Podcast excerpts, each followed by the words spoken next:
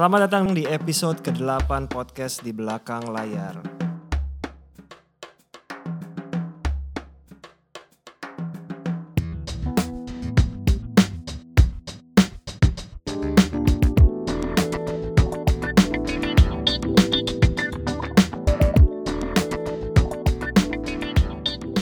Teman-teman semua, pendengar podcast di belakang layar. Sekarang kita udah sampai di episode ke-8 dan hari ini gue tidak hanya berdua dengan Mas Sulung.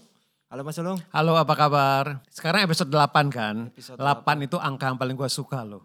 Wah, Nah dan di, di episode ke-8 ini kita punya tamu spesial kan? Nah itu spesial, ini episode yang sangat spesial nih. Avatara 88. Nah kayak gitu. Episode 8 kita kedatangan bintang tamu Silvan Saputra. Halo Silvan, Halo Mas Sulung, halo Mas Dipa. apa kabar sehat kan Kok gue Silvan? deg-degan ya? Kalau kalau Sulung nggak apa-apa Mas Sulung, kalau gue nggak usah Mas Dipa aja. Dipa aja, Nah, gitu. Gue juga suluh juga gak apa-apa, karena gue tua banget. Iya kan? Ini gue pendengar setianya podcast di belakang layar. Sekarang jadi bintang tamu tuh rasanya deg-degan banget loh. Aduh, Si- Silvan itu- bisa aja.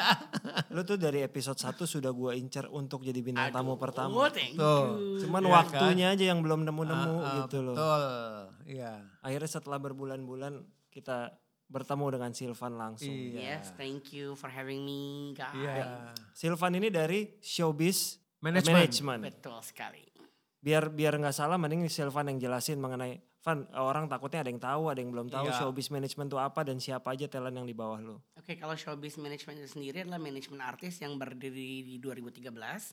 Gue sudah membawahi ada Ratu Felicia, Junior Lim, ada Zaki Zima, ada Haris Riza, Greta Agatha dan lain-lain. Jadi total ada 12 talent ya. Kurang lebih 12. Jadi dari tahun 2013 13. sudah Yes. tujuh tahun. Yes. Nah, Deep itu gak gampang loh. Iya. Tujuh tahun itu bisa konsisten memanage artis itu itu hal yang tidak gampang. Gitu. Eh, artis pertama lu siapa, Van? Sebenarnya kalau yang paling lama deh kalau nggak sekarang kalau di- di- 2013 itu adalah ketika showbiz berbadan hukum. ya. Sebelumnya gue sudah jadi manajer. Oke. Dulu di antaranya adalah gue pernah manajerin Reza Rahadian. Wih. Oh, pernah Oh, mengajari gitu. Reza Rahadian. Yes, yes, Oke. Jadi pas Reza lagi film apa tuh? Eh, Reza itu pertama kali gue ketemu, gue langsung bilang Ame Octavia waktu itu produsernya Hanung Bramantio, gue bilang, Me, gue punya orang bagus banget, punya anak bagus banget, temuin dia sama Hanung. Terus dia bilang, kayaknya nggak mungkin deh. Sampai akhirnya itu kejadian, Hanung bilang gue cuma kasih waktu lo 10 menit. Hmm. Ternyata dia dua jam di dalam casting dan begitu keluar Hanung bilang, oke Silvan Reza anak gue. Gitu. Di titik itulah eh, Reza akhirnya bertemu Hanung dan mendapatkan film Perempuan, Perempuan Berkalung Berkalung Sorban. Jadi Gitu. Silvan yang membukakan gerbang sebenarnya. Iya, iya. Iya benar kan? Kurang Iya. lebih seperti itu. Iya. Oke, jadi Reza pertama sama justru pertama kali sama lo ya? Sama Atau sama sebelumnya? sama Reza Silvan ya? itu sudah menjadi artis tapi sinetron. Iya. Tapi Iya. untuk film yang yang menghijrahkan dia dari sinetron ke film adalah gue. Gitu. Oke. Oke. Ini kalau di ini ntar buat judulnya gitu tuh. Iya. Silvan di balik Reza Rahadian. Betul. Betul. Iya, iya, iya. Jadi kalau kalau sekarang yang dari 12 yang lo pegang yang paling paling lama siapa? Zaki Zima dan Ratu Felicia. Oke. Itu berarti mereka sudah dari tahun 2013 sampai sekarang. Oh, sebelum 2013 bahkan.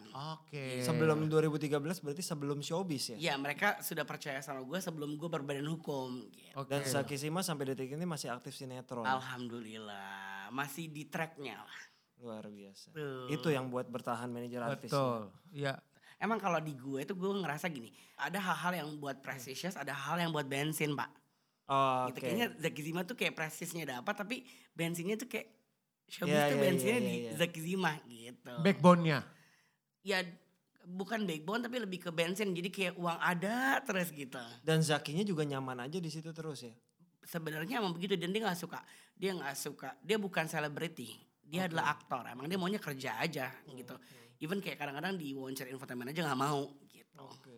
Dan udah dia dia pun maksudnya ketika dia harus pindah haluan ke tempat lain kan jadi beru- mencoba hal baru dan dia bukan nggak mau mencoba hal baru tapi memang udah dia udah di situ udah udah Iya. tempatnya. Jadi dia memilih, dia memilih memang Fokus gua ya? itu fokus, gua itu aktor.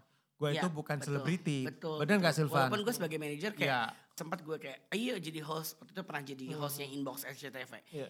Aduh mereka suka banget SCTV-nya tapi Zakinya this is not me. Jadi gue kayak yaudah itu pilihan lo. Iya. Yaudah kita let's go with your choice. At gitu. least udah dicoba dan Yes, ter- betul. ya kan walaupun ternyata nggak nyaman ya udah. Benar Karena kalau lu nggak nyaman tapi orang lain yang nyaman kan ngapain ya? Bener. Gitu. Dan kita sebagai manajer juga nggak bisa maksain kalau Gak bisa. Karena gini, prinsip-prinsipnya kita ya, Hmm. gue yakin prinsip kita bertiga itu kan hubungan antara manajer sama artis itu kan bukan hu- eh, hubungan antara atas sama bawahan. Iya. Betul. Ya kan? Jadi kita partner kan, partner Betul. kerja. Hmm. Jadi kalau prinsip gue itu apa pun juga kita komunikasikan. Ya. Iya, Kita ngomongin iya, sama iya. mereka gitu loh. Seperti itu. Itu kalau menurut gue itu yang bikin kerjasama bisa langgeng, bisa long lasting seperti itu. Karena kan yang ada di lapangan mereka kan, mereka Betul. yang menemukan banyak hal di lapangan gitu. Kita nggak nggak nggak terlalu banyak tahu tentang lapangan. Jadi kalau kita terlalu maksain mau kita juga nggak mungkin. Dan lu tuh kan talent showbiz tuh agak mix tuh mas. Kalau lu kan banyaknya di film. Iya. Gue komedian. Sementara dia ada yang youtubers. Lu cerita Yes. di youtubers Yes. dan ada yang di sinetron. Ada di sinetron, ada, yang- di film juga. Ada yang di film dan ada yang nyanyi bukan sih? dulu? Betul, Betul. betul, Ada yang nyanyi. betul. Lu gimana memaintain sesuatu yang agak ya bukan random tapi kan lu juga lu nya juga jadi harus belajarin juga kan? Seperti yang gue selalu dengar di podcast kalian bahwa jadi manajer kan emang setiap harinya belajar baru. Iya. Jadi gue senang sama tantangan-tantangan baru Hmm, gitu. Ketika gue jadi manajer seorang penyanyi, oh gue masih begini. Gue ketika jadi komedian harus begini gitu. Jadi kayak ya nggak apa-apa juga selama gue gue adalah orang yang memfasilitasi apa yang mereka mau. Selama yang pertama adalah itu bagus buat mereka dan mendatangkan cuan buat gue. Oke. Ya kan? Oke, Jadi kalau tiba-tiba ada talent di luar yang sekarang lo pegang, taruh di komedian. Oke. Dan lu merasa nyaman, lu siap megang komedian juga nggak ada masalah ya? gue pernah diminta manajerin band, Hmm. tapi gue nggak mau. Gue rasa kayak nggak mungkin karena gue tahu kalau band tuh kita punya mesti fully time sama mereka gitu. Iya, iya. Gue pernah diminta artis besar untuk manajerin tapi dia bilang gue harus buang semua artis gue, gue juga nggak mau Oh, gitu. Karena gue gue merasa bahwa pekerjaan yang gue pilih sekarang itu karena gue pengen nggak ada yang di atas gue gitu. Jadi kayak kita all together aja gitu. Jadi tahun ini atau tahun depan ada siap artis baru yang lu rekrut? Tahun ini gue punya Andres Adelio. Oh dia ntar baru. kurang lebih dia baru enam bulan dan alhamdulillah banyak hal-hal baru yang dia udah dapetin udah dinominasi di beberapa tempat gitu. Oh, Nah kalau dari gue memang seperti itu. Jadi kita sebagai manajer artis itu pasti orang melihat lah kinerja kita seperti apa. Kemudian juga komitmen kita terhadap profesi kita seperti apa. Nah pasti gue sangat percaya pasti talent-talent yang lain pasti akan mau approach kita. Ya kan, gue juga berapa kali mengalami hal seperti itu juga gitu. Betul. Meng-approach kita dan kemudian oke kita kan ngom- ngomongin skema kerjasamanya seperti Yes. apa kan seperti itu. Nah satu hal kalau menurut gue juga, gue pernah berada di posisi seperti Sifan juga. Jadi gue di approach sama salah satu bintang besar juga. Jadi kita sempat ngobrol, kita udah berapa kali ngobrol, ya kan udah cukup itu. Ya tapi dia minta gue full handle dia handle aja. dia setelah eksklusif, ya Iya, kan. Nah iya. full eksklusif gue udah ngerti lah kayak gitu kan. Berarti kan yang lain-lain gue harus tinggalkan kan Mm. seperti itu.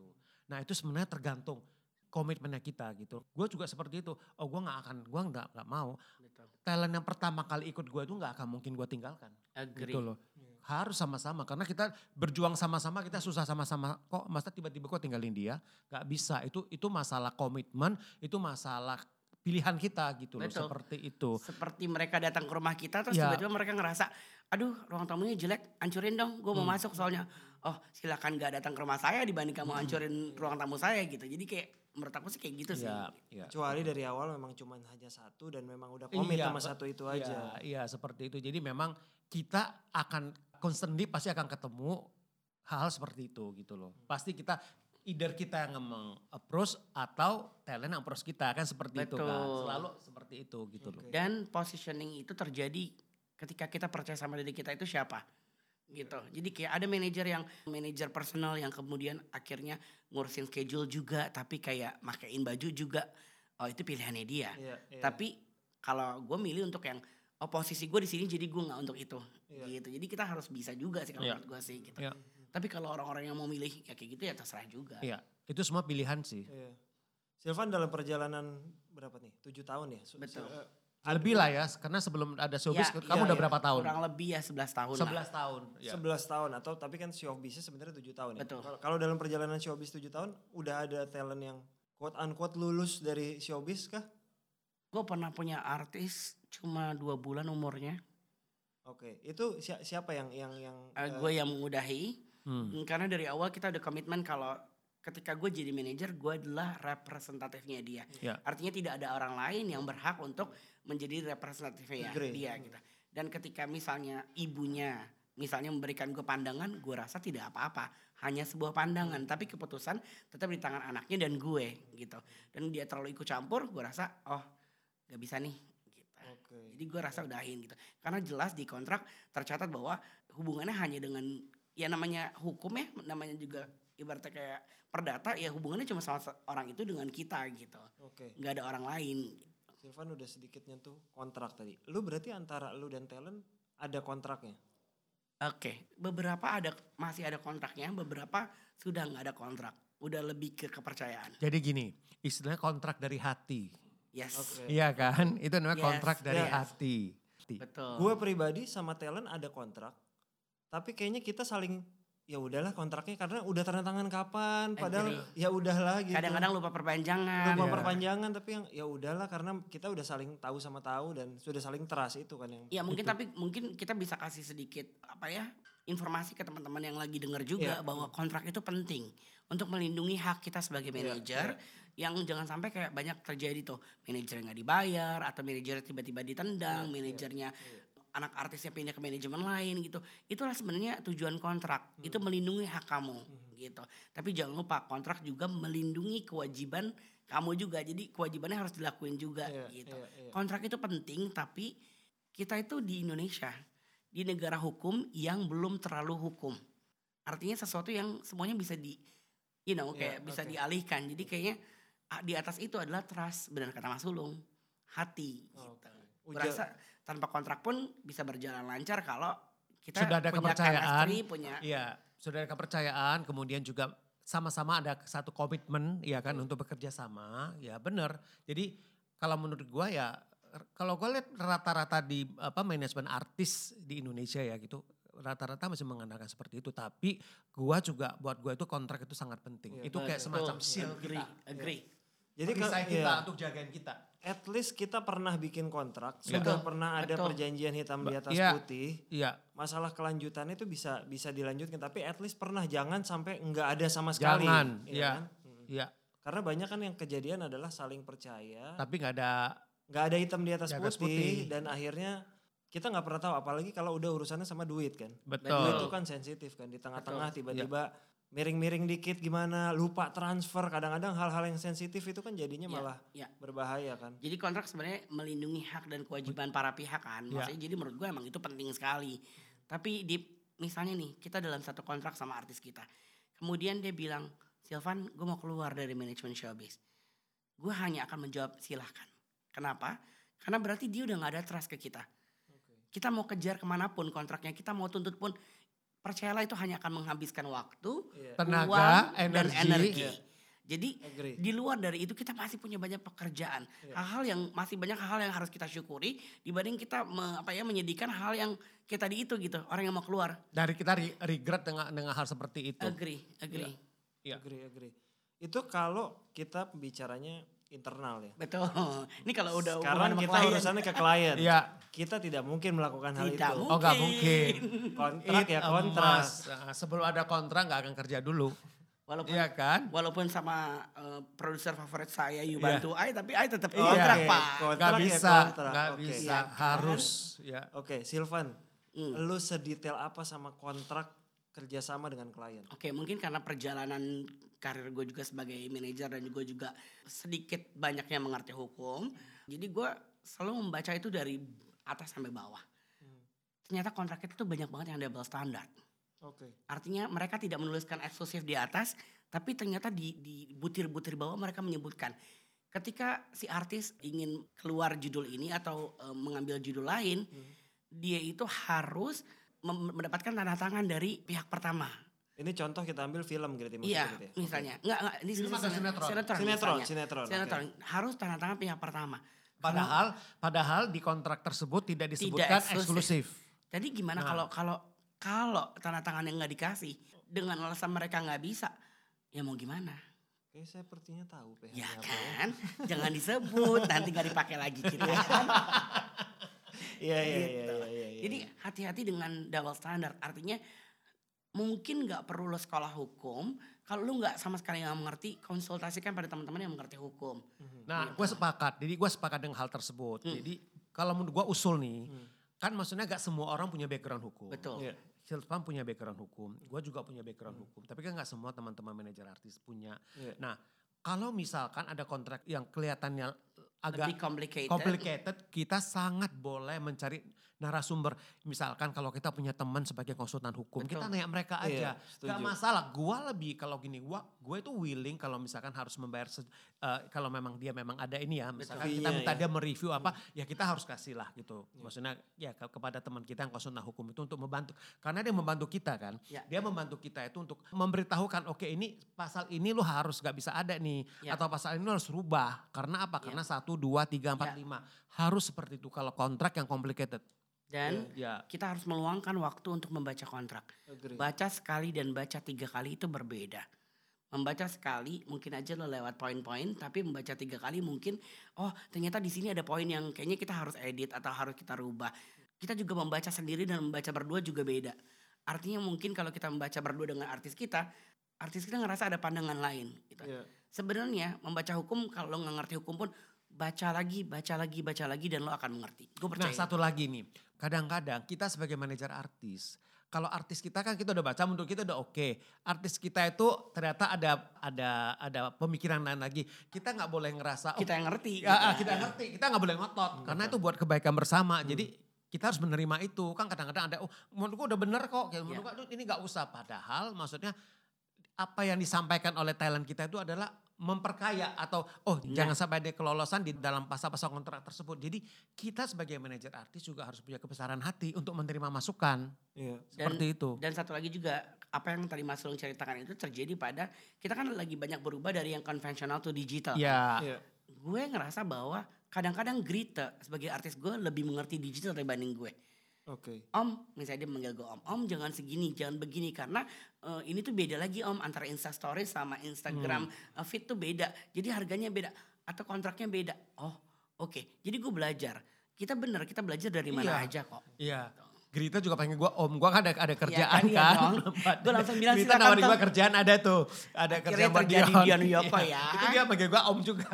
Untung Gerita manggil gua kak. Dia manggil gue om juga. Ya kan. Oke, berarti kuncinya adalah yang pertama, lu harus nggak boleh buru-buru. Iya. itu Ya. tidak boleh buru-buru. Iya. Kadang-kadang gini juga satu sisi kita suka diburu-buru bukan Itu kontrak. karena tekanan yang datang kan ke kita. cepetan karena udah harus besok karena harus bayar DP apa lah kita kan udah gitu kan kita langsung itu nah kadang-kadang suka ada miss di sana Iya, karena apa karena kita buru-buru Dan ada satu lagi yang yang bahaya adalah ada production house yang tidak membolehkan kontraknya keluar dari ruangan itu. Oh betul, ya saya Ya. tahu tuh. Ada production house yang secara hukum itu salah. Tapi lagi-lagi dia yang meng-hire, dia punya ribuan artis dia bisa pilih. Iya. Jadi kadang-kadang kita harus eh, suatu ketika mendengar Reza Gunawan ngomong gini, kita harus menemui siapa pun di level mereka. Oh artinya kalau mereka punya aturan begitu, kita coba ikutin tapi kita teliti, baca, baca. Hmm, Nggak apa-apa nggak boleh dikeluar kontraknya tapi baca ulang, baca ulang, baca lu mau ulang. dua jam tiga jam di sana nggak Yes, apa-apa Yes. Hati-hati banyak double standard, triple standard banyak. Eh, waktu itu di tempat yang sama ya, saya foto. Ya, Saya boleh. foto gue bilang, saya mikir dulu ya. Padahal udah foto gue lihat Iya. aja lagi di rumah. betul, Iya. betul. Ya walaupun itu, itu ya ide yang udahlah. bagus ya. ide yang bagus itu Kok ide yang bagus foto ya. Eh, yang ngasih kontrak ke toilet ya gue foto dulu kan Bagus. bilangnya nggak boleh dibawa Iya. pulang kan Iya, bukan iya. di foto kontraknya nggak saya bawa pulang kok Iya, yang gue kok foto bener banget, bener. soalnya kontrak-kontrak yang jelimet biasanya fontnya kecil nah betul. kalau datang dengan font kecil ini pasti harus baca berkali-kali nih halamannya banyak lagi Iya. Ya. Nah, kita sendiri juga gini, kita sendiri juga harus ada apa ya kalau da- dari dari gue harus memang ada kesabaran sama Iya. itu untuk baca itu kadang-kadang kita juga kurang sabar kan Iya. bukan nggak sabar juga kadang-kadang dengan load kerja yang banyak kita kan pengen cepat selesai cepat selesai cepat Iya, selesai iya, nah iya. itu nggak boleh juga gue sendiri belajar dari itu Hmm, pokoknya jangan buru-buru jangan buru-buru. Betul. gue ngomong sama diri gue sendiri Betul. gitu loh. Hmm, jangan pokoknya baca dulu sekali. Coba besok baca lagi. Gua Kalau udah- perlu tiga kali deh. Nah. Betul. gue ada satu PH yang dia boleh dibawa Van. Boleh dibawa boleh dikirim tapi nggak boleh kirim email. Jadi revisinya adalah terjadi ketika kita kirim aja mas. Mas Iya. kalau ada revisi tolong catat. Kirim sekali. Dikirim. Pas dikirim yang direvisi belum dilakukan. Ya. karena dia salah kirim. Betul. dua kali gue revisi mbak ya, ini yang dikirim ternyata masih yang sama oh ya Betul. dikirim balik revisi ada sekian tapi yang di, yang direvisi cuma setengahnya Ya. kok yang setengahnya belum balik lagi tiga total tuh lebih dari lima kali hanya Iya. terjadi kayak gitu. Itu bisa makan waktu sebulan. Iya dan dan Kurang lebih. Dan Bolak-balik ke dua minggu lah. dua kejadiannya mingguan adalah lah. dari kontrak itu datang sampai akhirnya selesai, talent gue udah mau selesai syuting akhirnya. Betul. Jadi betul. ya udahlah gitu mau gimana lagi. akal-akalan gitu. Dan bahkan juga ada kayak beberapa pekerjaan yang kita harus menandatangani kontrak setelah artisnya selesai kerja. Ada kayak Iya, misalnya misalnya kayak oh, FTV atau apa atau apa kayak mau nggak mau harus ditandatangani. sel- Tapi kan kita juga tahu, kita lihat juga ini teman-teman manajer juga harus teliti siapa production house-nya, Iya. siapa produsernya, seberapa bisa dipercayanya. Kalau kayak mereka sudah dipercaya di Google juga kalian bisa lihat juga kan gampangnya sekarang serba Google gitu. Di Google juga secara history mereka baik-baik aja. Oh silakan lakukan itu gitu. Tapi kalau enggak mending gak usah main deh gitu. Iya, iya, iya. Jadi intinya kalau dari pembicaraan kita itu adalah pokoknya kita jangan anggap enteng sama kontrak. Betul, Iya, betul. gitu aja. Hati-hati. Hati-hati. Mau sekali dua kali tiga kali silahkan Iya, dibaca. dibaca. Gue sih biasanya kontrak di gue, gue baca, gue kasih ke tim gue yang satu. Jadi dua pihak tuh udah dua sisi yang beda kan. At least dia merecek gitu, jangan sampai cuman Iya. satu orang. Ya, gue juga seperti itu. Jadi gue, talent manager gue, terus talent juga baca. Gitu. Jadi Jelas di gue justru gue balik sekarang. Justru talent manager gue dulu yang baca, Renita yang baca dulu. Dia bilang aman, begitu gue coret-coret dia gini. Lo gila ya nih baca kontrak apa-apa sih banyak banget coretannya gitu.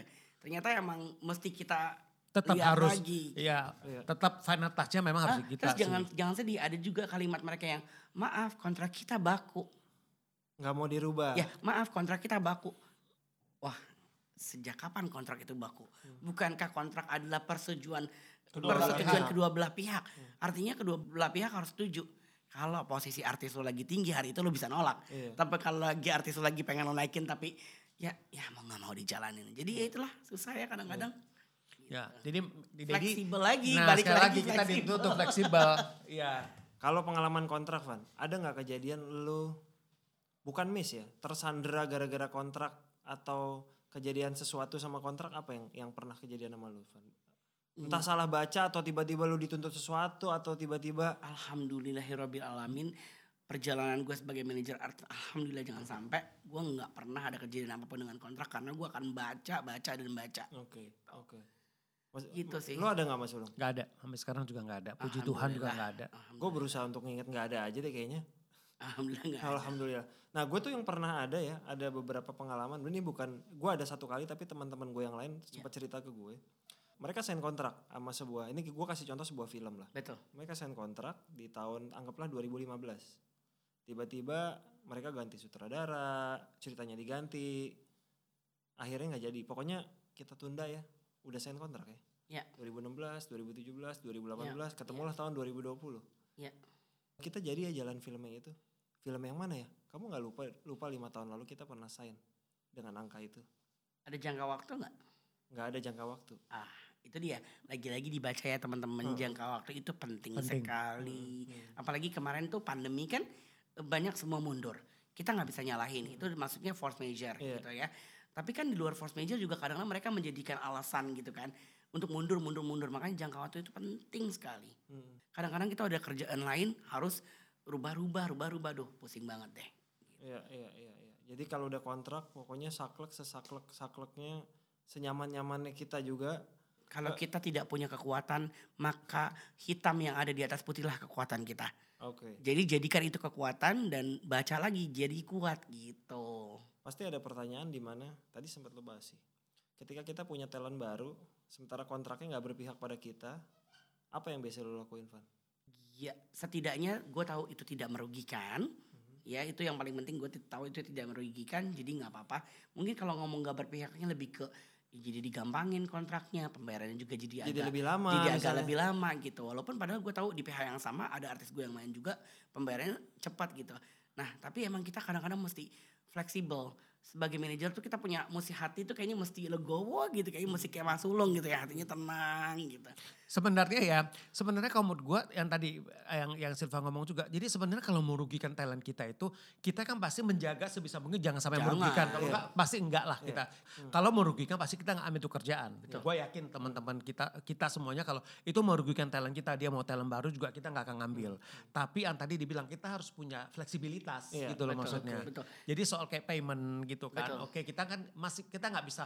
Oh gue maunya pokoknya gini tujuh hari ya kan atau misalkan dua hari mungkin 14 hari. Betul. Iya kan mungkin 21 hari Betul. gitu loh. Nah itu kan kita gimana cara kita ngatur apa Betul. oke 21 hari tapi kita minta DP dulu. Iya. Iya kan DP dulu pelunasannya baru 21 hari. Iya. Kita kita kan bisa dengan cara seperti itu untuk menjaga talent kita gitu loh. At least kalau dilihat untung ruginya ternyata di hitung itu masih banyak untungnya lah. Betul. Nah gue sepakat itu. Dan gue selalu percaya bahwa ada pekerjaan yang sifatnya investasi. Oke. Artinya gue bilang, gue selalu yakinkan gini ke satu artis gue misalnya. A misalnya kita ambil ini, kenapa? Kamu akan naik secepat ini. Oke. Mungkin mungkin kamu nggak akan diuntungkan secara angka, tapi lo percaya sama gue, kita naik abis ini. Secara image, Gitu. positioning. Jadi emang manajer kan harus ada gut feeling juga kan. Iya, gitu. iya, iya, iya. Gitu aja sih Dip. Gitu. Lo biasanya setiap tahun selalu ngerekrut talent baru, lo punya target nggak apa ada, enggak? nggak ada. Kalau mau setahun gue nggak ada pun nggak apa-apa, I'm okay. Kalau setahun tiba-tiba lebih dari satu pun ya udah. Juga nggak apa-apa selama gue rasa gue masih punya waktu untuk diri sendiri. Oke. Tadi baru aja gue sebelum Catat kata-kata Silvan waktu untuk diri sendiri juga penting, Penting. untuk seorang manajer. Jangan sampai terlalu diforsir ya. Karena kalau otak lo overload gimana lo bisa berpikir gitu. Lo akan burn out. Showbiz management tadi talent ada 12. Ya. Berapa ya tim yang di, di bawah lo bantuin lo? Gue punya lima karyawan, dua talent manager, satu ngurusin teks dan segala macam, dua lagi kerja buat kayak runner dan segala macam. Banyak loh. Total 6, Enam, ya kan? enam, Total 6. enam, enam, enam. Oke kok itu Itu ideal. so far eh, Ideal. oke lah segitu nggak Ideal. terlalu nggak terlalu banyak lah. Nah kalau di showbiz tuh uh, asisten artis tuh nggak di nggak di provide, jadi mereka Jadi dari mereka. masing-masing. Cari sendiri, gitu. ya. Gue pun begitu karena Iya. walaupun di gue cuma ada satu isi yang pakai asisten karena yang lain Mandiri ya semuanya. Mandiri semua lah daripada Betul. pakai asisten nggak guna juga ujung-ujungnya. Betul. Ya berarti dari apa yang kita obrolin hari ini cukup banyak dapat dari Silvan nih. Betul. Terima kasih Silvan sudah berbagi pengalaman dan ilmunya kepada kita semuanya. Terima kasih juga Mas Lung dan Dipa karena gue juga banyak belajar dari kalian loh. Sama-sama. Lu tuh lebih senior dari gue gimana pun juga Silvan. Jujur ya, gue waktu zaman masih ngantor gue tuh sering ketemu Silvan, cuman kita nggak saling kenal aja. Iya akhirnya sekarang kenal ya, bisa Akhirnya. duduk satu meja Jadi ya. sahabat yang baik. Ya, jadi sahabat baik. Silvan semoga nggak kapok. Kita ketemu lagi di episode-episode selanjutnya. Gue undang Iya. lagi boleh dong. Dengan topik yang beda ya. Gila bisa jadi, nih, nih ben- dengerin ya. Gue coba denger dua podcast di hidup gue. Satu Michelle Obama, satu podcast di belakang layar. Aduh, Kita terima terhormat kasih. banget loh. Jujur aja kasih sih gue terhormat banget. Beneran ya. karena Ah. emang gue cuma denger Iya. itu. Gitu. Terima kasih banyak loh. Terima kasih Silvan. Thank you guys. Terima kasih untuk waktunya. Terima kasih teman-teman, mudah-mudahan ada yang bermanfaat ya. Pasti. Siap. Terima kasih Sangat buat teman-teman semua yang juga yang udah dengerin. Kita ketemu lagi di episode ke 9. 9. Terima kasih.